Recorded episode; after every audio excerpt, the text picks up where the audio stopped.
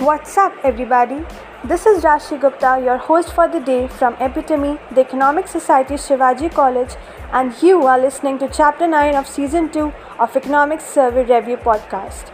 And today we'll be discussing the services industry, and we have Shreya Maheshwari and Mohammad Arif Sian sharing the desk with us. Hello, everyone. Undoubtedly, heard about the service sector from the days of our schooling and experiencing the way pandemic has devastated every sector that supports the economy and one being the service sector. What effect did it have shreya? Can you help us with the start? Certainly to begin with the services sector contributes over 50% of india's gdp while covid-19 pandemic had an adverse impact on most sectors of this country the services sector being the most affected as its share in India's GVA declined from 55% to 53%. In 2020 21, the services sector had an 8.4% decline.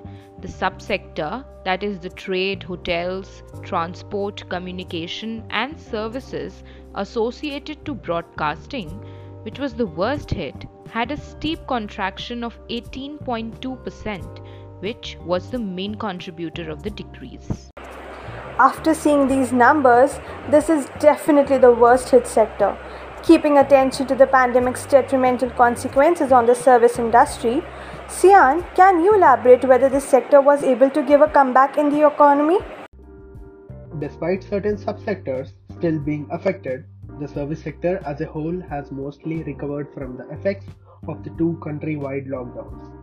The service industry expanded by 10.8% in the first half of 2021 and 22. Trade, hotels, transportation, communication, however, continue to be low below their pre-pandemic levels. In 2021 and 22, the GVA of the entire service sector is projected to increase by 8.2% Rail freight exceeded its pre-pandemic level between April and December, while air freight and port traffic nearly did the same. Domestic passenger travel on trains and in the air is progressively growing as well. Port traffic is being impacted by the worldwide container scarcity issue. Services like information, communication, finance, professional and business services have remained resilient. However, Contact based services like travel, shopping, lodging, entertainment, and leisure have been hit considerably hard. Oh, it was pleasing to our ears having heard about improvement in service sector. Moving forward with the trends, Shreya, could you perhaps provide a quick explanation of the trends in high frequency indicators? Yes, definitely. Keeping in mind the trends India services sector activity gauged by PMI services, which had contracted for five consecutive months since March 2020, recovered sharply in October. It dropped again for three consecutive months, that is May, June, and July 2021, as a consequence of the second COVID 19 wave.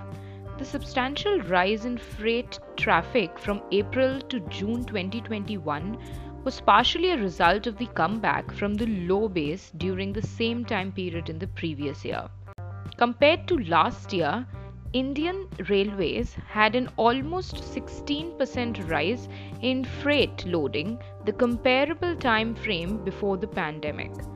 Now after drastically slowing down in 2019, bank loan growth for the services sector began to build up in 2020, rising to 8.8% at the end of December 2020.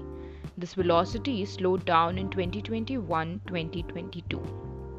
And by the end of November 2021, the bank credit growth had slowed to 3.6% from 8.2% a year earlier. It would be reasonable to state, before going any further, that these trends have had a very good influence after experiencing such low periods. Sian, could you perhaps give me some information on the contribution share of the states and the UT level? Indeed, although being hit, it managed to show some positive trends. Moving to the point of contribution, the service sector accounts for more than 50% of gross state value added in 12 out of 33 states and union territories. Chandigarh stands out with a particularly high share of services at 74%, whereas Sikkim share remains the lowest, that is 24.25%. Over the last three years, the share of services in gross state value added has increased by over 4% for Himachal Pradesh and Odisha. Maharashtra and Karnataka are the top two contributors to services of gross state value added, that is GSVA.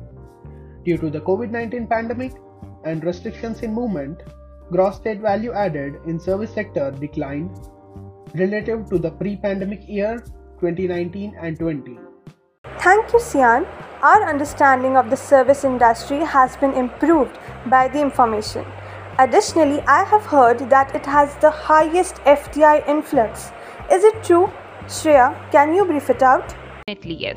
Services sector is the largest recipient of FDI inflows in India.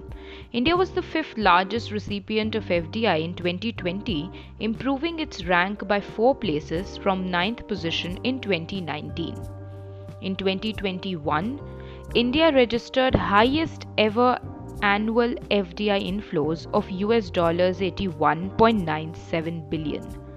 Financial business outsourcing courier tech tech testing analysis education subsector witnessed strong inflows amounting to US dollars 3.16 billion and US dollars 2.25 billion respectively in April to September 2021.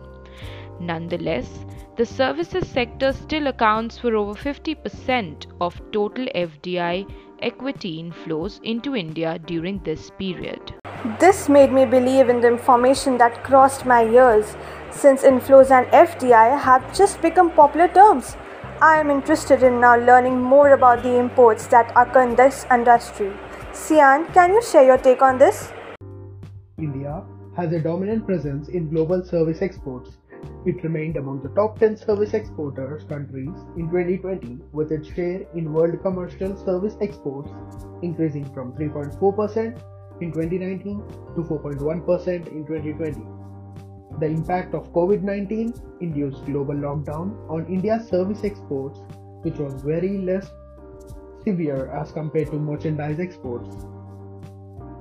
During H1 of 2021 and 22 with vast inoculation drive and pickup in global demand, India's services export increased by 2.6% as against a fall of 7.8% during the same period a year ago.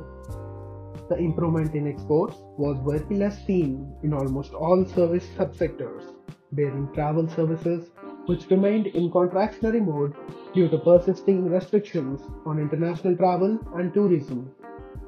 From April to September of 2020, travel exports were 3.7 billion US dollars, which is slightly lower than 4 billion US dollars from April to September of 2020.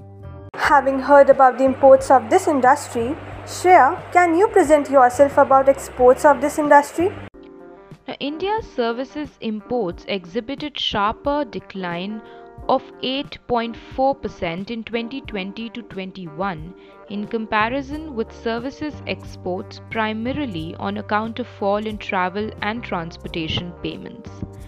During 2021-2022, growth of services imports was 20.7% on account of relaxation in lockdown restrictions and resumption in domestic economic activity. Business services, the largest category in India's import of services, increased by 0.9% in 2021 2022.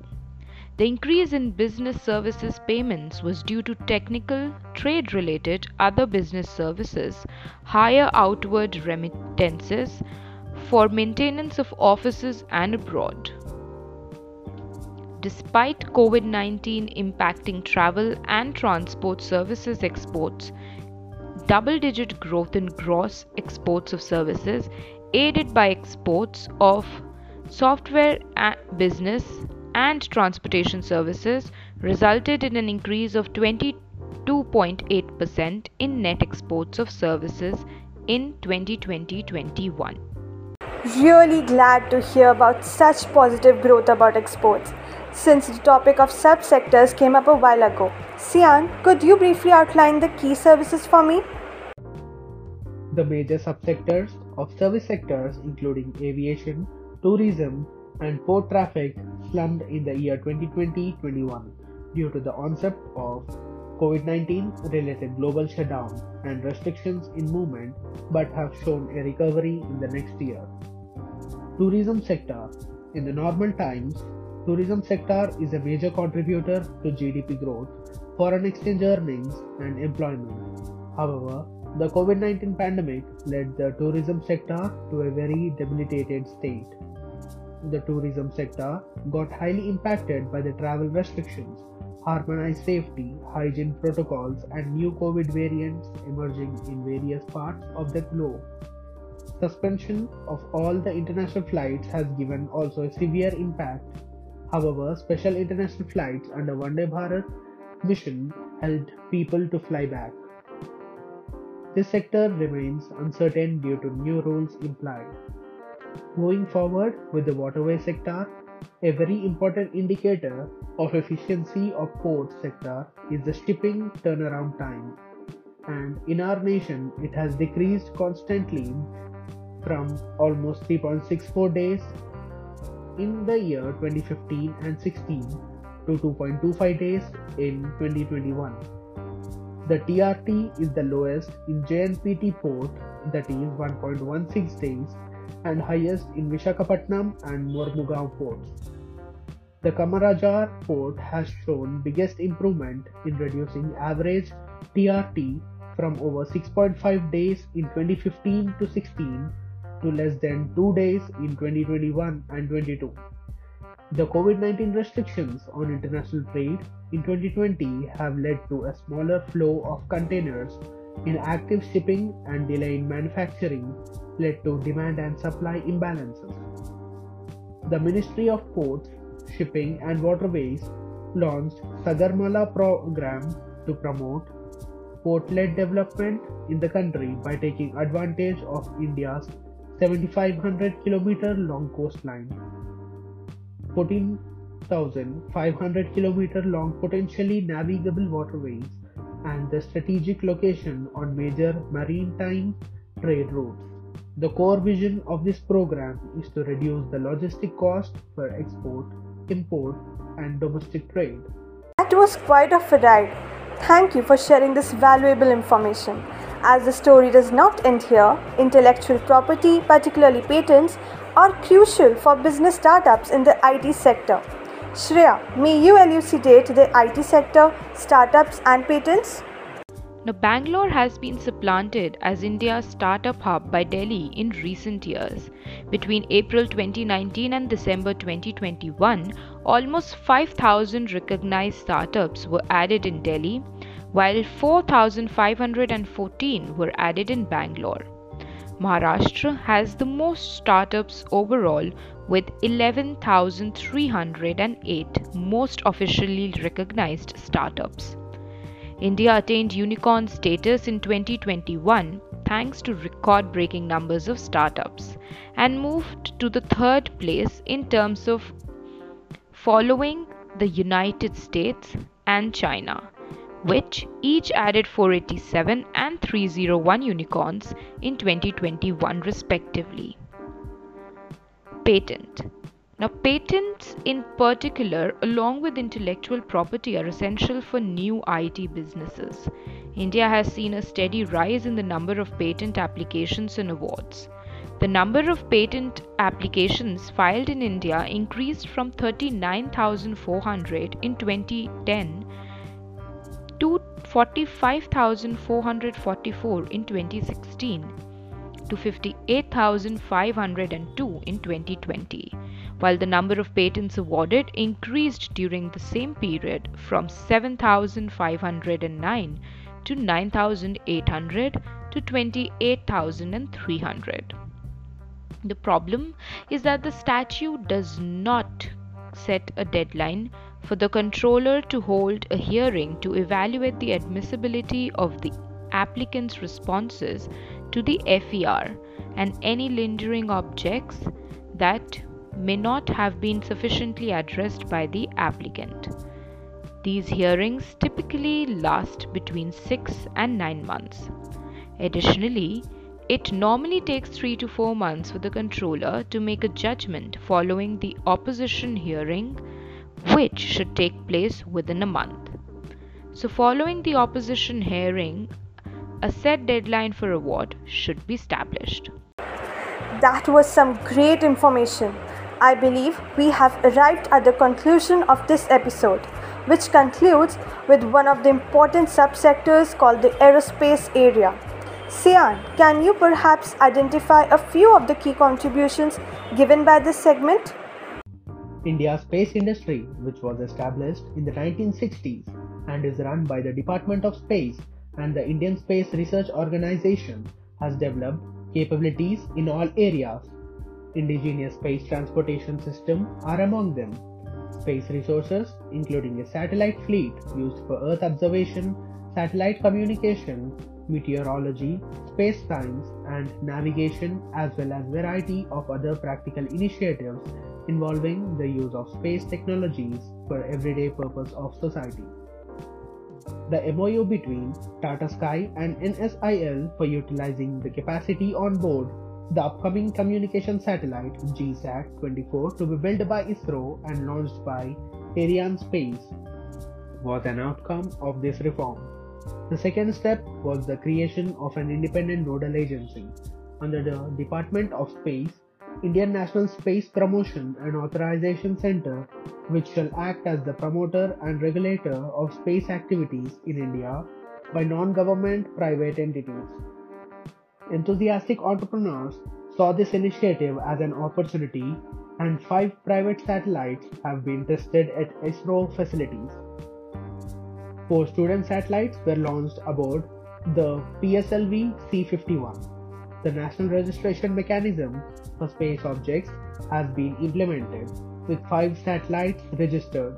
A total of six MOUs have been signed with private academic entities for sharing technical expertise and facilities and number of startups in the space sector has increased from 11 in 2019 to 47 in 2021. Ah, oh my god, wasn't that insightful dive into the aerospace sector? That's all for today. We hope we answered a lot of your questions. Let's meet again in the 10th chapter of the Economics Survey. Until then, adios.